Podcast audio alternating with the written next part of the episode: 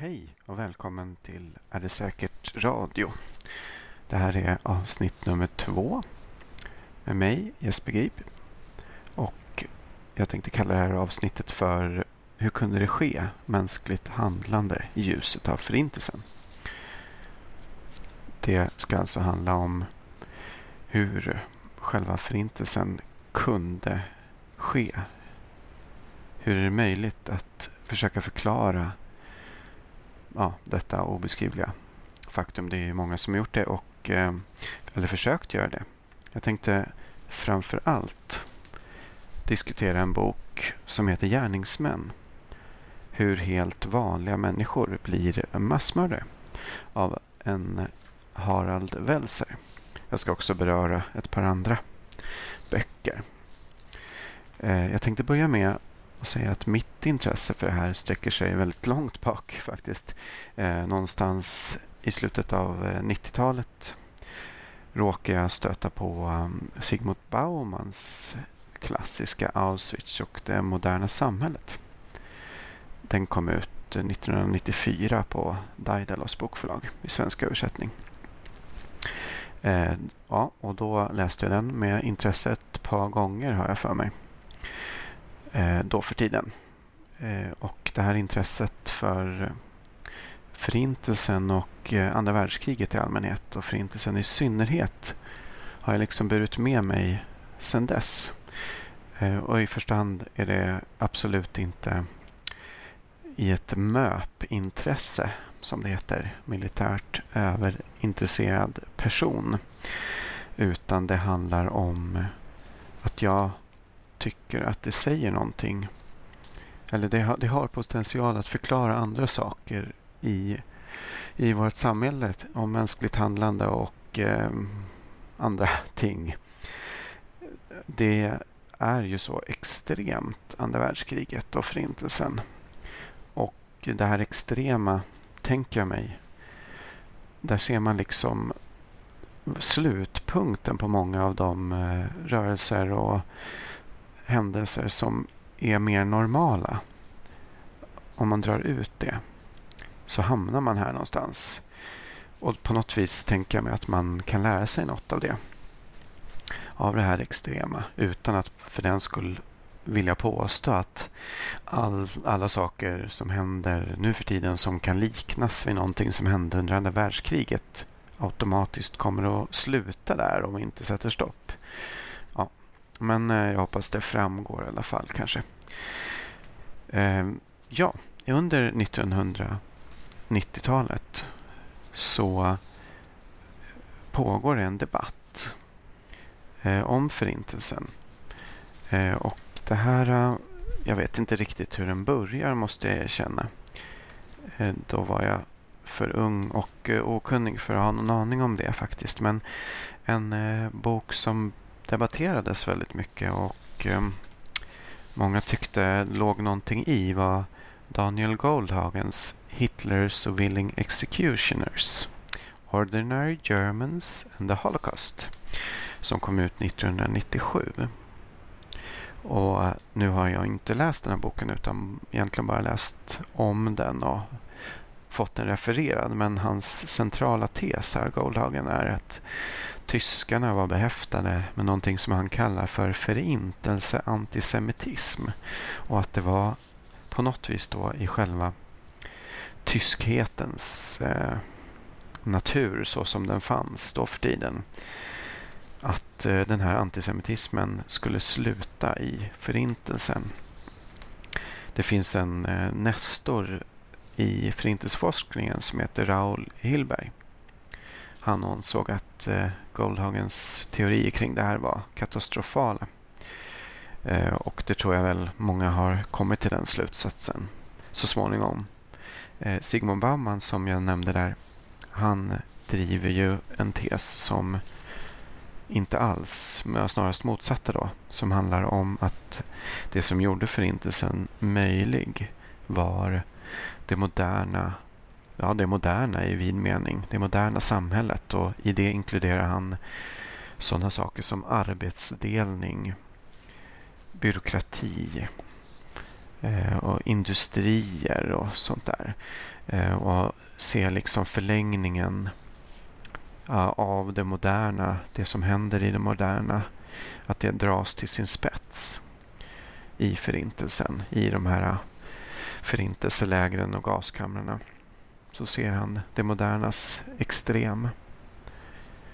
Och eh, det hände sig så att medan jag höll på och jobbat med det här manuset så, så gick Bauman bort här den 9 första 2017.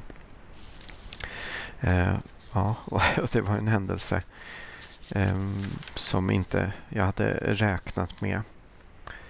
Det, Eh, här råkade jag stöta på eh, på en blogg som eh, ja, jag vet inte, jag läser den ibland.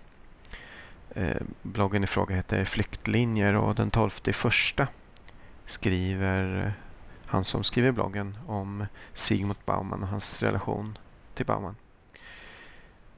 Och i Sigmund Bauman och jag del 1 där skriver han så här. Det var inte Hitler och nazisterna som genomförde förintelsen. Den ligger inbäddad i kulturen och kan realiseras där och när förhållandena är de rätta. Slutcitat.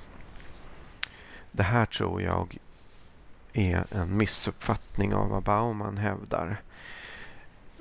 Jag tror inte att eh, det är Baumans mening att eh, påstå något sådant att Hitler och nazisterna var oviktiga för förintelsen. Det tror jag helt enkelt är ett missförstånd. Eh, och jag tror att man kan behålla det mesta av det som Bauman hävdade. Det finns eh, väldigt mycket i det kring det moderna, kring arbetsdelning i beskrivningen av hur det är möjligt att genomföra det här just som pekar på ja, den långa raden av aktörer från de som sitter vid ett skrivbord och bestämmer om logistik och alla kedjor ner till de som utför själva morden. Det är väldigt, väldigt många steg och delar man upp en process på det sättet så, så finns det anledning att tänka att det går lättare att genomföra utan att på, för den skulle påstå att det skulle vara lätt. Men det, det finns en poäng som faktiskt den här Goldhagen gör i sin bok Hitlers Willing Executioners som Harald Wieser, Welser eh, vill knyta an till i den här boken Gärningsmän som jag tänkte diskutera mer utförligt. Och det är ju faktiskt det faktum att Baumann han är väldigt engagerad och eh, diskuterar framförallt gaskamrarna och det här industriella mördandet som sker mot slutet av kriget. Men det han inte tar upp särskilt specifikt och som Goldhagen sätter fingret på det är ju det faktum att man på östfronten, bakom fronten, arkebuserade ungefär en och en halv miljon människor med ja, någon typ av k-pist maskingevär direkt väldigt nära inpå. Så det är inte bara ja, ett mindre antal, vad det nu skulle vara, några hundra eller några tusen, utan det är alltså en och en halv miljon människor. Inte på samma gång såklart, det sker i många, många olika mindre steg. Men eh, det finns det mest extrema exemplet på det här. Det är när man i ravinen Babajar, eller hur det uttalas utanför Kiev, 19 Eh, eh, den 29 till 30 september 1941. Under de här två dygnen så mördas där via arkebusering 33 771 judar. Och det är ju en summa som är fullständigt eh, absurd och ja, jag vet inte, det finns ju inte ord riktigt för att beskriva hur absurt det är. Men Alltså hur är det möjligt att skjuta så många människor på två dygn? Det här mordet, eller massmordet, är ju en... Det är en kulmen kan man säga på en process som då har pågått under hela 1941 och som kommer fortsätta även efter Men fram till den här händelsen så har man lärt sig, det är nog det enda ordet man kan säga, hur man ska kunna genomföra ett sånt här massmord och döda över 33 000 människor på två dygn med maskingevär. Um, ja, det är ju någonting som jag i alla fall tycker är det måste man försöka undersöka. Det, ja, så, så är det bara. Det fanns ju en diskussion här under 90-talet om att det på något vis skulle vara förenat med att förlåta eller förminska eller någonting sånt där. Eh, att försöka förklara. Det, att försöka förklara skulle liksom vara att förminska det som hände.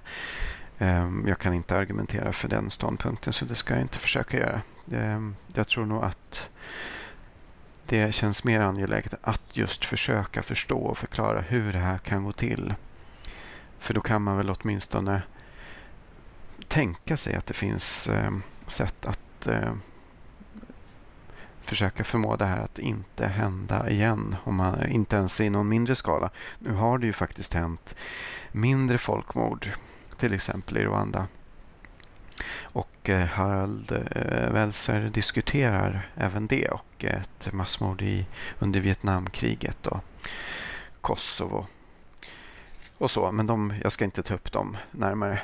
Eh, jag rekommenderar verkligen en läsning av den här boken.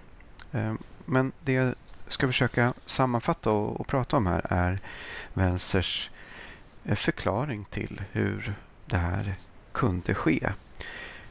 Man kan säga att han har tre nivåer. En samhällsnivå, politisk samhällsnivå, hur det här kunde ske i planering och genomförande, någon slags mellannivå som också såklart går ihop med hur sen gruppen och individen faktiskt beter sig och hur det konkret går till i mördandet. De här nivåerna är ju analytiskt frånskilda varandra men de hänger ju såklart ihop i verkligheten. Welser konstaterar från början att eh, ett folkmord har en historia. Det har ett början en början, en mitten och ett slut. Och att det som händer i mitten och det som händer i slutet kan vara och troligtvis är någonting som man absolut inte hade räknat med eller kalkylerat eller planerat för i början av den här processen. Jag läser ett citat här. Det går så här. Beslutet om att diskriminera vissa samhällsmedlemmar, därefter ta ifrån dem deras rättigheter, deras ägodelar och slutgiltigen att deportera och döda dem föreligger ju inte i sin helhet 1933 utan växer fram i takten med att alla folksgenossen, alltså folktyska, aktivt tolererar och deltar i det som händer på samhällsnivå menar Welser att förutsättningarna är ett eh, antal. Eh, det är inte så att de här kommer i en specifik ordning utan jag har försökt att sammanställa det här eh, så i en, en, ordning. Det kunde varit en annan ordning. Eh, men för det första kan man då ändå säga då att det finns, det fanns i Tyskland alltså en ljudfråga inom citationstecken. Det fanns en diskussion om att det på något vis existerar en ljudfråga som är ett problem och att den här ljudfrågan kräver en lösning. Och på den här samhällsnivån handlar sen diskussionen om och policyförslagen så att säga om ljudfrågan och dess lösning från början om att fördriva och deportera och så småningom då att mörda de här. Att det diskuteras som möjliga lösningar. Och det sker också i en historisk progression. Det existerar också en nationalsocialistisk moral. Man skulle kunna tänka sig, eller man kan inbilla sig att det här folkmordet är ju så fruktansvärt så att det är ju omoraliskt, amoraliskt till och med. Det finns ingen moral.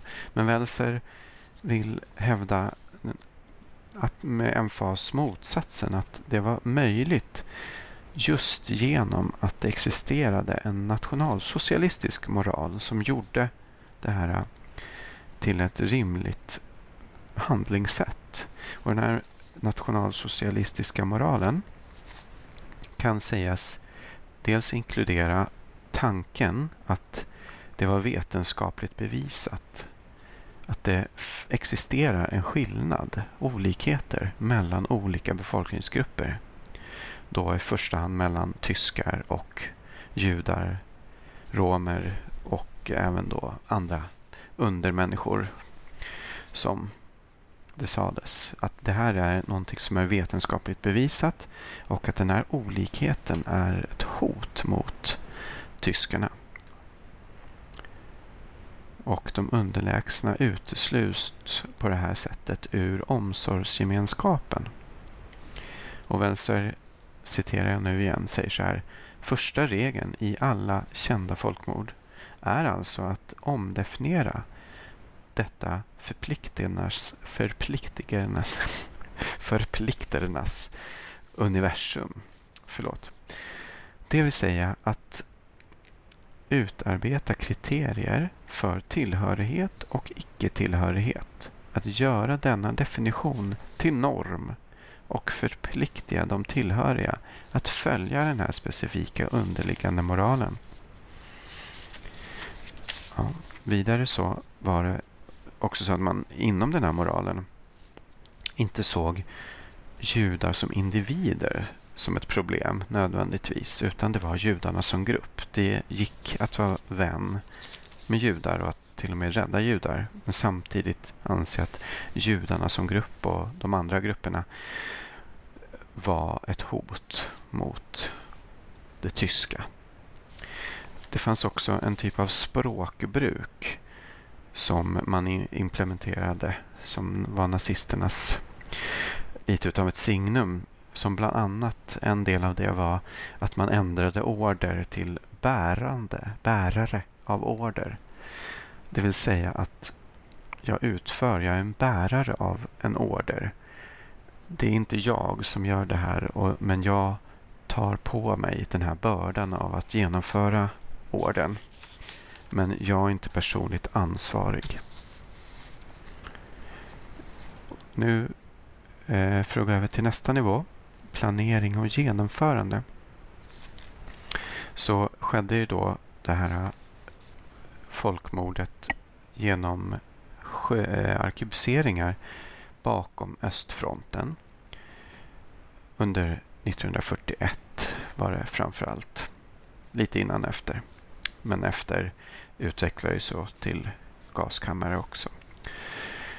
Eh, det var polisförband och specialkommandon som genomförde det här.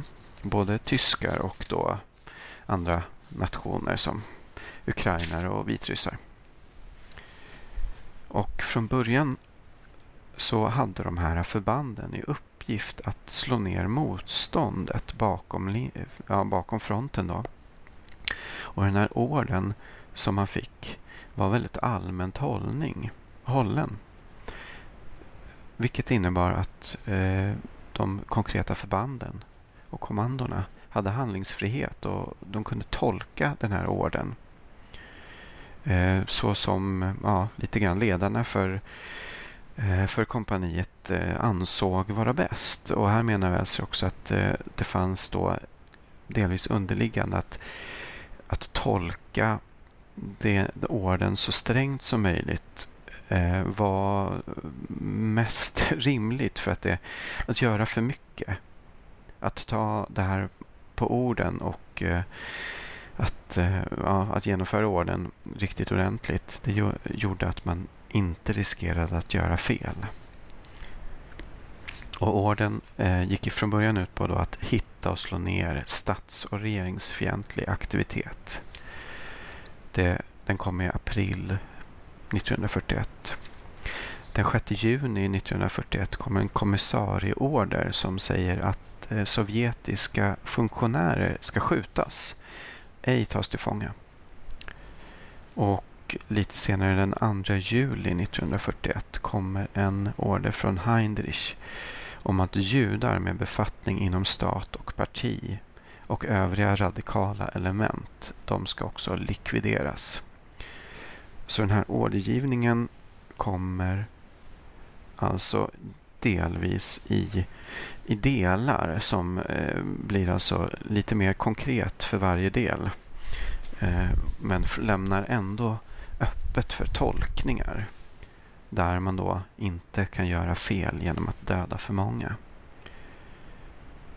Och det här är också att göra med hur man, alla fall inom Wehrmacht, alltså tyska militären, ehm, jag är som sagt ingen MÖP så jag är inte jättebra på det här militära olika, hur de olika delarna av det militära och polisiära eh, utfärdade order.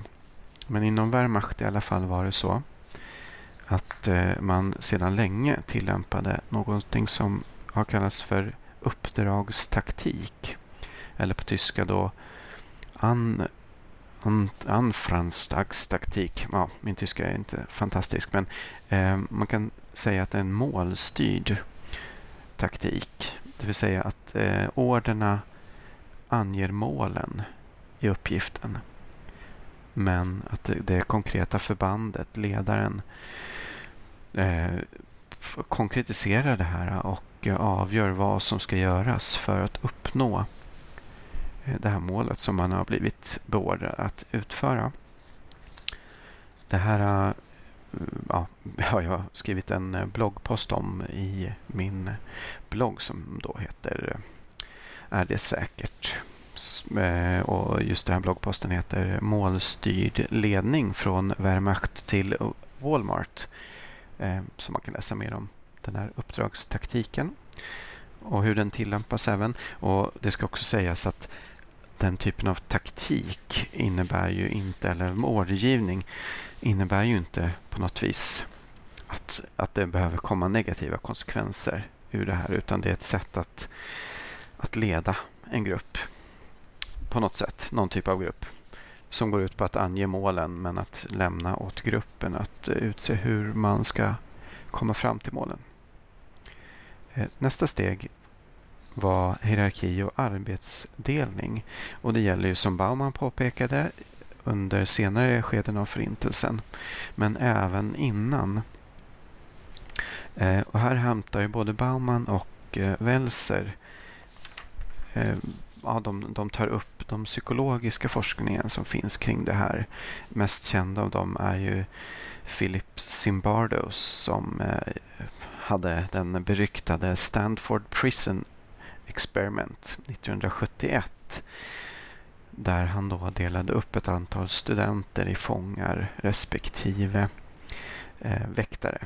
Och eh, de fick sitta i någon källare har jag för mig på Stanford-universitetet och eh, det här, eh, de, ja, de, de ena skulle vara fångar och de andra skulle vara fångvaktare och så skulle man se hur det här fortlöpte. Vilket då gick eh, käpprätt åt eh, helvete inom bara några dagar där eh, de här eh, väktarna, vakterna fort började trakassera och manipulera och var allmänt jävliga mot fångarna på ett sätt som man absolut inte hade förutsatt så det fick avbrytas. Det har gjorts film på det här och skrivits eh, många gånger i olika verk om, om det här Stanford Prison Experiment. Jag tror också att det har fått en del kritik. Eh, jag är inte jätteinläst på just det där så att jag ska lämna det exakt vad det var man gjorde. Framförallt kan man också påstå att man aldrig skulle kunna göra det idag. Det skulle jag aldrig få godkänt. Och det gäller nog också nästa experiment eh, som man hänvisar till som gjordes av Stanley Milgram. Lite tidigare, 1963, började de lydnadsexperiment som man utförde.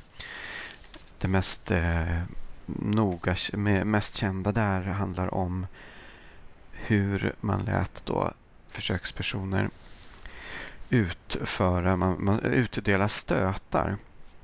Eh, som man, eh, ja, det fanns en annan person bakom ett, en vägg eller ett fönster. Det var lite olika.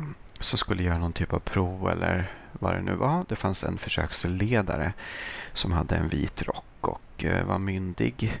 Och eh, den här eh, som satt bakom väggen skulle utföra någon typ av test och när man misslyckades skulle då försökspersonen vrida på ratten eller utdela stötar som då någon slags straff som lite betingning eller dylikt. Egentligen var det ju då hans eller hon som utförde de här elektriska stötarna som var den riktiga försökspersonen. För man ville försöka komma fram till hur långt man kunde driva människor bara genom auktoritet. Eh, där man då kommer fram till att det, det går helt enkelt att få folk att utdela dödande stötar. De här stötarna sa, de var inte på riktigt överhuvudtaget från början utan det var skådespelare eh, som, som satt bakom väggen eller bakom glaset. Och eh, ja, Man kunde då dela ut till och med sådana stötar där det stod att de var dödliga. Och försökspersonen gnydde och sa nej och sluta. Och förvånansvärt då många så gick ändå vidare så länge försöksledaren i Vitrock sa att nej, det är mycket viktigt för experimentet att du fortsätter. Det här gjordes i väldigt många olika varianter. Där man då, ja då som sagt hade bakom en glasvägg så man ser offret eller bakom en vanlig vägg där man inte ser offret. Eh, på lite olika sätt. Man har också testat eh, att eh, hur, hur, det, hur det ändrar sig om man har en försöksledare som är auktoritär, auktoritativ eller alternativt två försöksledare som eh, tjafsar inbördes. Eh, där man då kommer fram till att då, då, då följer man inte de här orderna för att då finns det en annan person som man kan relatera till. Ehm, ja, så. De här eh, psykologiska experimenten känner, då tas ju då såklart upp som bevis, eller vad man ska säga, för att eh, arbetsdelning, att dela, att eh, förlägga ansvaret på en annan person, myndighet, att det hjälper till att eh, folk ska göra saker som de absolut inte tror sig själv om att eh, man skulle kunna göra. Eh, och det ser man ju i eh, förintelseprocessen över hela ledet att Eh, Eh, det handlar väldigt mycket om att dela upp ansvaret, att frånta individen ansvar för sina egna handlingar, att eh, införa en arbetsdelning som gör att eh, det finns psykologiska och även då fysiska i många fall eh, väggar och spärrar mellan olika delar som man inte ser det här handlandet som man faktiskt är del, delaktig i. Till exempel då de i bataljonerna som bara föser ihop människor anser ju inte alls sig vara speciellt eh, moraliskt ansvariga för själva mördandet även om det de faktiskt gjorde var en förutsättning för att man så småningom skulle kunna skjuta offren. En tredje del i den här planeringsfasen, eller man ska säga planeringsdelen, är det militära ramverket. Från början är det alltså mer militärt liknande arkebuseringar, nådaskott. Man försöker då få det att framstå som att offren är brottslingar på något sätt. Det hörde vi också i de här orderna som jag läste upp. Som då försöker ge sken av att det handlade om eh, motståndare av mer militärt art. Som är motståndare till regimen eller inom statsförvaltningen. De arbetar där vilket alltså skulle på något vis mer rättfärdiga mördandet av dem. Det här blir ju svårare och svårare ju längre processen går. Där det blir mer och mer uppenbart för eh, de bölarna att eh, man mördar eh, gamla människor, kvinnor och barn som rimligtvis inte kan betraktas som någon typ av stridande part eller ens eh, ja, någon typ av subversiva element på något sätt rimligtvis. Och det här är ju även delvis svårt för de militärer och poliser som genomför själva morden. Eh, men man lyckas ändå överbrygga det som, som vi alla känner till. Så jag tänkte läsa ett litet stycke till här. Eh, på sidan 112.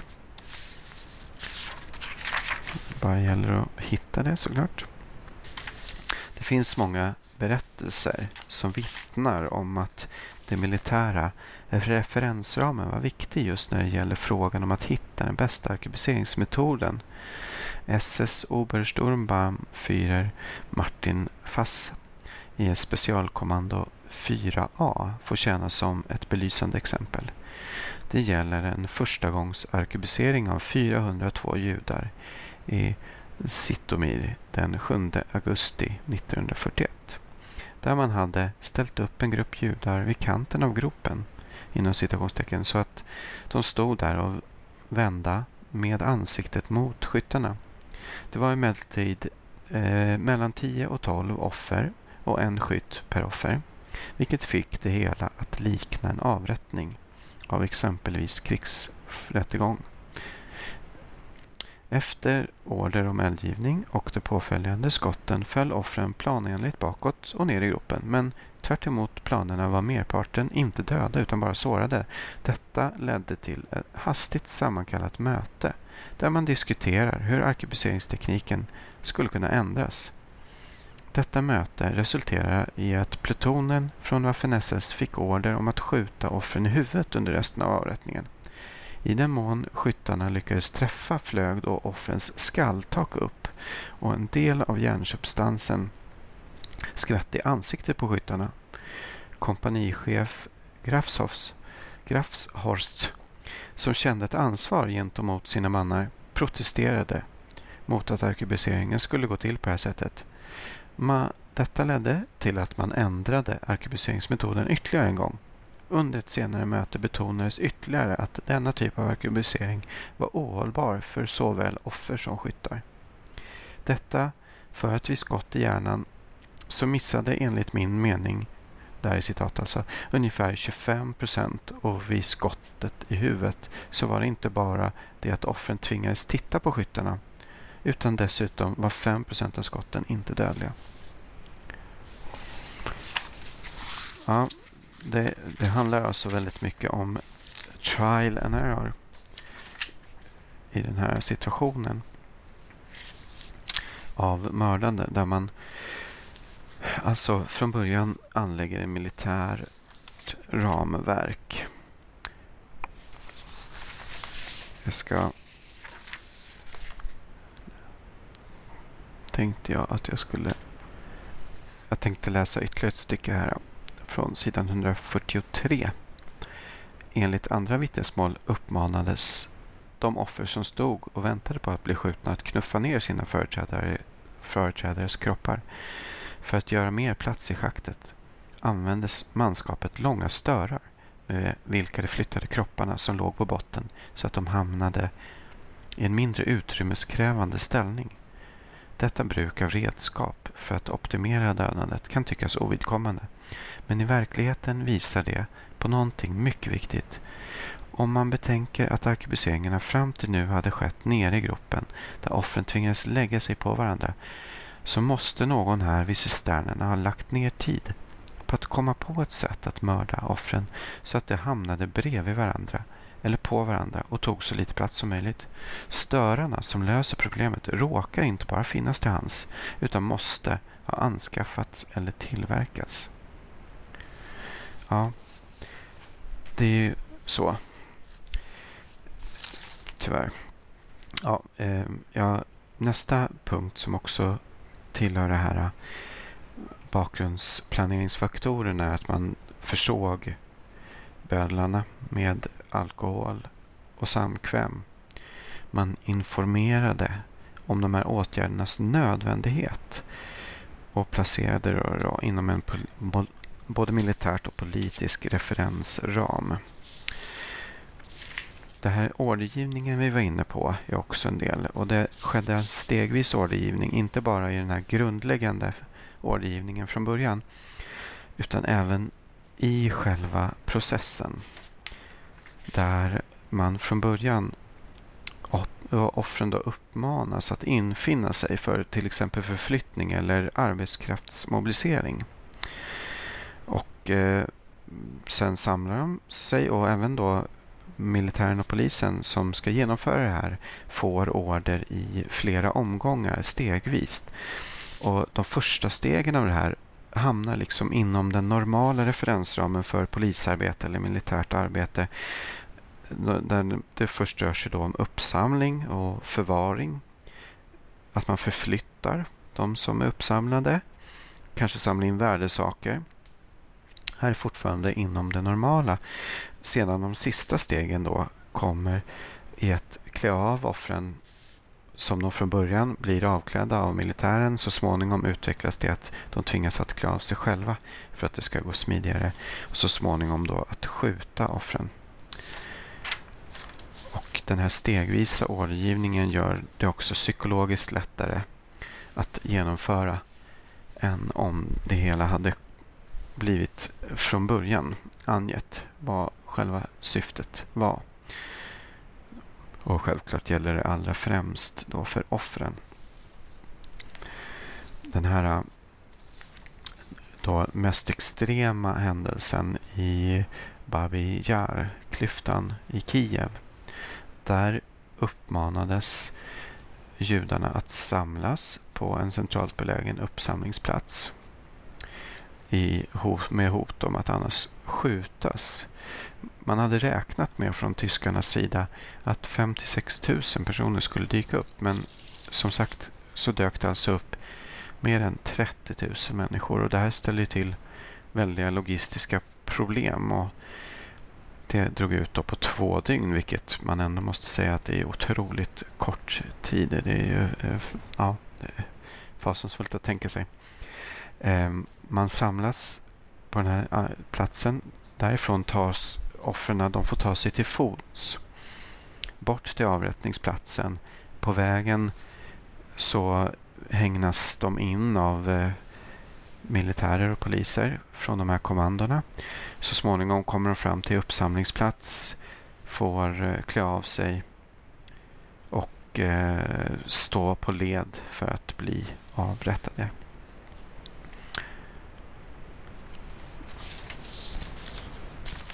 Slutsatser från det här. Ja, eh, får staka mig, det är tillåtet. Eh, för att komma till den sista då, det rent konkreta mördandet. Så på, säger eh, Welser från början att eh, man måste knyta det här till någonting som Eh, ja, normalt kallas för rolldistans och som också är en fullt normal företeelse eh, i många arbeten såsom till exempel lärare, socialarbetare, poliser, kronofogdar, advokater eller politiker, säkert andra också. Det vill säga att du har en roll i ditt arbete. Du har någon typ av plikt du ska uppfylla som kanske inte alltid stämmer överens med dina personliga åsikter om vad du tycker är bäst. Men det är ändå någonting som man gör. Den här äh, psykologiska principen att kunna skilja då mellan, mellan vad man blir ålagd i tjänsten och vad man själv tycker, den är då dragen till sitt extrema. Men det rör sig ändå om en ganska normal företeelse i grunden. Nästa eh, del i det här mer konkreta handlar om att insatskommandona de levde i en egen social värld. De eh, umgicks med varandra och utbildade då en egen referensram för vad som var normalt, vad som man kunde göra och prata om och säga. Och eh, man vill såklart då också göra som de andra i gruppen. Det blir ju så inom grupper.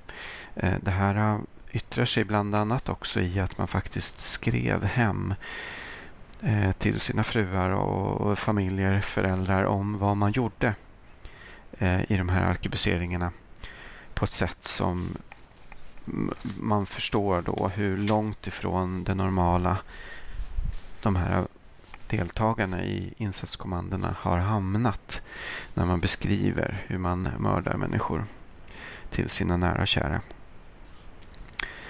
En annan faktor är att ledarna i många fall gick före i början av avrättningarna.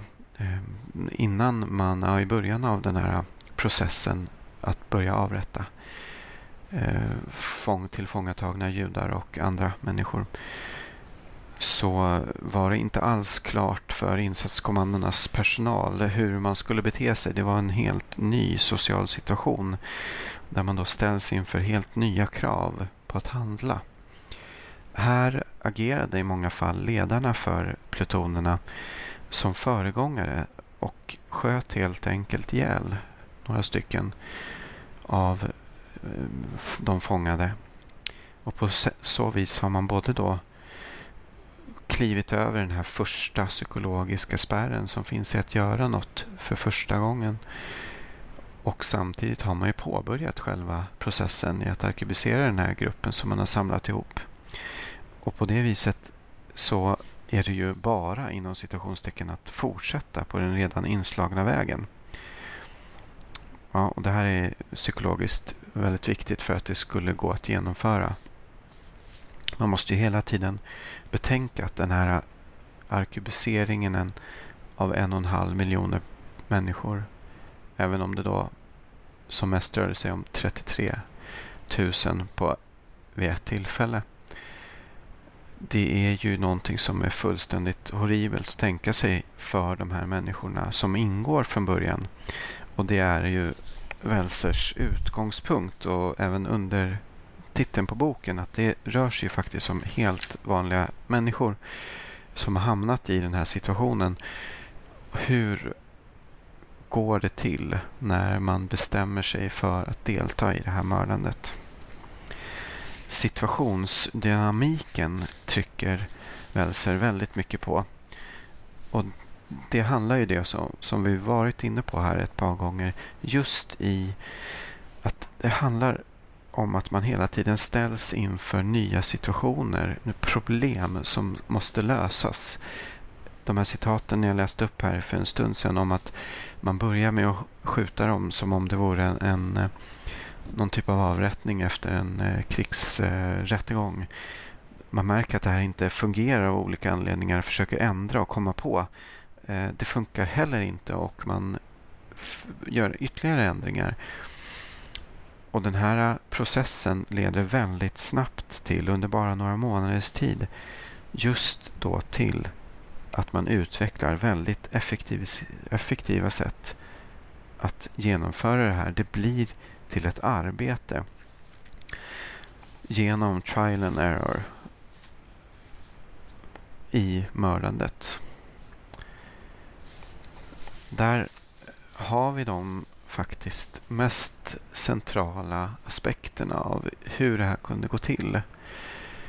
Ehm, hur man går från en situation där man från början sägs vilja fördriva de här människorna, förflytta dem någon annanstans till att man faktiskt eh, mördar miljontals människor.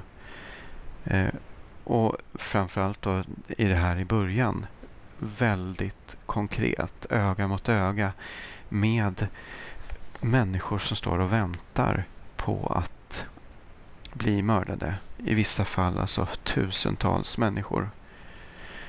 Och det här är ju skrämmande på många sätt. Eh, en första faktor som man kan konstatera som man skulle vilja, jag skulle också kanske behöva fundera, eh, sätta mig in i mer Det är ju det faktum att det är en otrolig skillnad på offer och förövare och deras psykologiska tillstånd senare. Nu är ju många offer just döda, men de offer som ändå överlever, som har varit med om det här och på något vis kunnat överleva. De är i väldigt många fall märkta för livet, psykologiskt förstörda, har haft eh, en, ja, svårt i sitt liv psykologiskt uh, på grund av det här.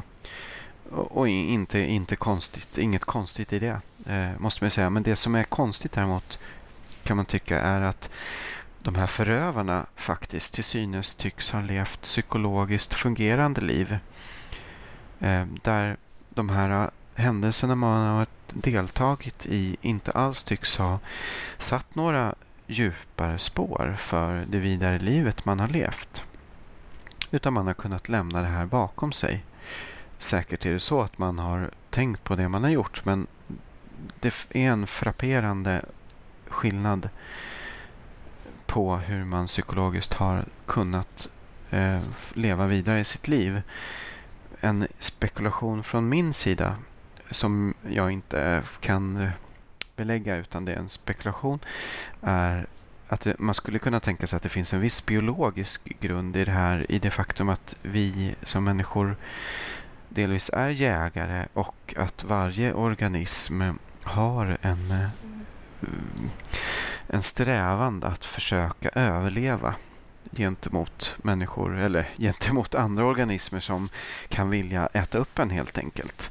Eh, ser man det biologiskt så, så är det kanske inte konstigt att individen, oavsett om det är då en människa eller ett, något annat djur, speciellt när det rör sig om eh, djur som jagar, inte fäster psykologiskt sig så mycket vid de här andra djuren som man då eh, jagar och äter upp eh, i det här fallet. Eh, och, för, alltså, och nu handlar det om den biologiska jämförelsen till den psykologiska mekanismen som skulle kunna göra att förövare faktiskt lever vidare. Att det, det skulle kunna vara någonting som skulle kan, kunna förklara det. Eh, men det är som sagt min egen spekulation. En, någonting annat som är väldigt skrämmande i mina ögon är hur 30 000 drygt människor kan låta sig mördas. Det låter ju hemskt att säga så. Men om man betänker att det rör sig alltså ändå om 30 000 människor som behärskas av några tusentals beväpnade militärer och poliser. Framförallt så småningom när det framgår vad det är som ska hända. Att man ska avrättas och människor står och väntar i led på sin egen avrättning. Hur kan det komma sig att man inte i ren desperation, grupper, större eller mindre, gör motstånd och lyckas bryta sig ut? Nu ska jag säga att jag inte känner alla de här äh, det är ju väldigt många äh, tillfällen det rör sig om, de här äh, massmorden. Och säkerligen förekom det motstånd i många fall. Men, men det, det, det, jag kan inte riktigt släppa den här tanken på hur, hur det kan, när man på något vis skulle kunna tänka sig att de flesta inser att det som kommer hända är att jag och alla som står bakom mig kommer att avrättas det är lika bra vi försöker göra någonting här för då kanske åtminstone några av oss kommer att klara sig. Så måste säkert många ha tänkt. Hur kommer det sig att det inte skedde oftare? Att eh, man faktiskt gör någon typ av motstånd här. Oftare än vad jag känner till ska jag säga. Och eh, jag mottar gärna information om om det här om du som lyssnare vet mer om det. Eh, jag har inte själv kunnat stöta på någon, ja, någon som har skrivit om det här. Så det skulle jag gärna vilja veta mer om. Hur, om det fanns fler exempel eller om det finns exempel på, på motstånd av det här slaget som jag pratar om. Eh, en annan aspekt av mänskligt eh, handlande och hur människor i grupp beter sig eh, skulle jag kort vilja beröra innan vi ska avsluta här. Och det är sociologen Mark Granovetter, en amerikan från USA, som 1978 1998 skrev en artikel som heter Threshold Models of Collective Behavior, behavior Alltså tröskelmodell för kollektivt handlande. Och i den här artikeln så försöker han, Granovetter, argumentera för att man kan se kollektivt handlande och han använder upplopp som sitt paradexempel. Eh, I ljuset av att varje människa har en tröskel för hur många andra människor som ska utföra en handling för att jag själv ska kunna tänka mig att utföra den här handlingen. Till exempel kasta sten på skyltfönster säger vi i ett upplopp. Och då kan man tänka sig att alla människor är olika och det är någonting som Granovetter utgår ifrån i hans modell. Att varför man har olika preferenser för vilket handlande man kan tänka sig, det spekulerar han inte i utan utgår från att det är så. Och att man kan tänka sig då att det finns människor som har extremt låga trösklar för att utföra en handling. Människor som har extremt höga trösklar för att utföra samma handling och människor allt däremellan. Om jag då befinner mig någonstans i mitten då måste ganska många människor ha börjat göra den här handlingen, kasta sten i skyltfönster till exempel, innan jag kan tänka mig att utföra samma handling. Och poängen med det här skulle då vara att till och med en gammal farmor kan tänka sig att kasta sten i skyltfönster om tillräckligt många andra människor gör det. Så att det handlar inte så mycket om vad jag personligen tycker är rätt att göra utan vad jag tycker i stunden är rätt att göra i förhållande till vad alla andra människor gör.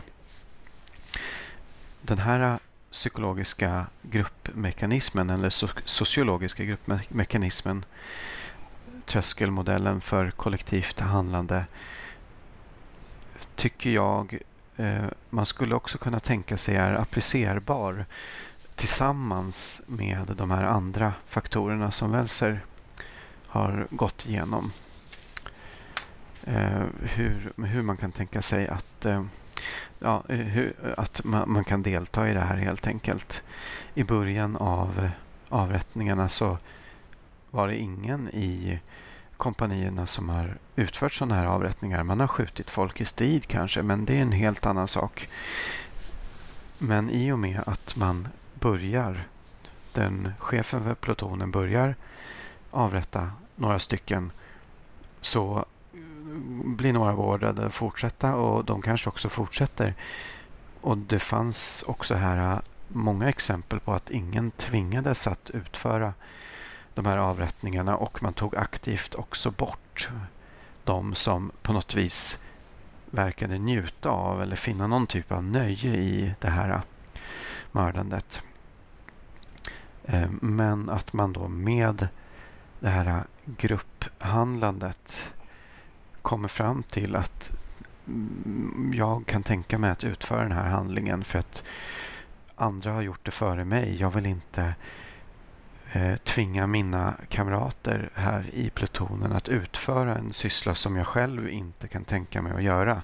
Vi är ju kamrater i plutonen och står bakom varandra och så vidare. Och här någonstans tycker jag att Granovetters teori också hjälper till att förklara hur det här kan hända eller kunde hända. Vill man lyssna på en bra beskrivning av den här teorin så kan man lyssna på journalisten Malcolm Gladwells eh, podcast som heter Revisionist History och nummer tre, avsnitt tre som heter The Big Man Can't Shoot. Han har även en eh, artikel som man kan hitta på hans hemsida om man söker på Gladwell, Malcolm Gladwell som heter Thresholds of Violence som förklarar det här på ett ganska bra sätt. Så att, eh, och, och, och, även under poddavsnittet där, nummer tre, så finns Granovetters originalartikel att läsa. Om man är intresserad. Det var en lång utläggning om Förintelsen. Och nu försöker jag bara fundera på om jag har glömt någonting som jag ville säga. Eh, men det, jag tror faktiskt att jag fick med allting här. Jag vill avsluta med att stå igen på peka att jag har en blogg med samma namn som man hittar på ardetsakert.blogspot.com som diskuterar frågor kring vetenskapsteori, samhällskunskap, samhällsfrågor och även riskhantering. Samma typ av frågor är tänkt att jag ska avhandla i den här podcasten. Och så vill jag också flagga för att jag har en podcastkanal med en eh, kompis som heter Niklas och den kallar vi för 50 meter från byggnaden. Man måste nog säga att det behandlar lite samma frågor även där om vetenskapsteori och samhällsfrågor men lite från kanske andra perspektiv. Vi har nog pratat en hel del om eh, poststrukturalism och andra relaterade teoribildningar och eh, funderat lite grann på vad vi tycker fattas i sådana teoribildningar, varför de inte är superbra. Och vi har diskuterat en del andra eh, frågor. I avsnittet nummer fyra tror jag att det är så har vi historikern Mikael vad han nu heter efternamn på besök som har forskat om Hitlers eh, bordssamtal och den källsamlingen och kommit fram till att den är högst eh, tveksam ur ett eh, källkritiskt perspektiv. Så vi har honom på besök och han diskuterar och förklarar sin forskning kring det här. Eh, vilket är ganska fascinerande, eller väldigt fascinerande med tanke på att den här källsamlingen ses som väldigt central i Hitlerforskningen och så har setts som Hitlers eh, ja, innersta tankar och så vidare. Så den rekommenderar jag att ni lyssnar på och även tar del av kanske annat som han har Eh, ja, det han skriver om så småningom. Eh, han har inte publicerat något än så vitt jag vet. Det finns även en bra intervju i en eh, podcast som heter En svensk tiger. Ehm, så gjorde jag reklam för den också. Den är också spännande att lyssna på.